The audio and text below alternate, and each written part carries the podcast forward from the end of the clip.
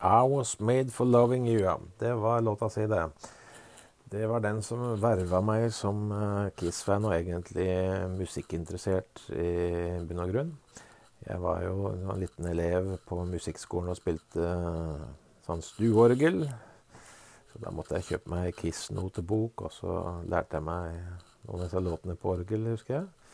Men det var ikke tøft å spille keyboard eller orgel da, i et band som eh, Når jeg var kjempefan av et band som eh, ikke hadde det. I bandet, i hvert fall. Så da kjøpte jeg en gitar av en nabo for 300 kroner, husker jeg. Og så hadde jo allerede Kiss notebøkene, og der var det jo sånne grep, da, så jeg skjønte hva disse prikkene og strekene betydde, så jeg lærte meg sjøl og spilte litt gitar. Jeg har ikke blitt noe bedre på disse her 40-åra, men, eh, men eh, jeg lærte meg i hvert fall det grunnleggende da. Av at jeg blei verva som rockefan av diskolåta til Kiss, 'I Was Made For Loving You'. Så man kan si mye om diskoversjonen der, sånn, men det var i hvert fall det som uh, gjorde meg til Kiss-fan da. Og så måtte jeg begynne å jobbe litt i katalogen og se hva som fantes der.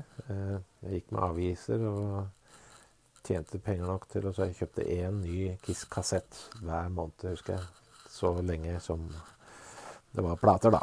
Da var det jo i, i 1980, da venta jeg veldig på Unmasked. Jeg hadde allerede kjøpt en del kassetter da, fra bakover i tid. Så jeg hadde en god samling allerede da, ja.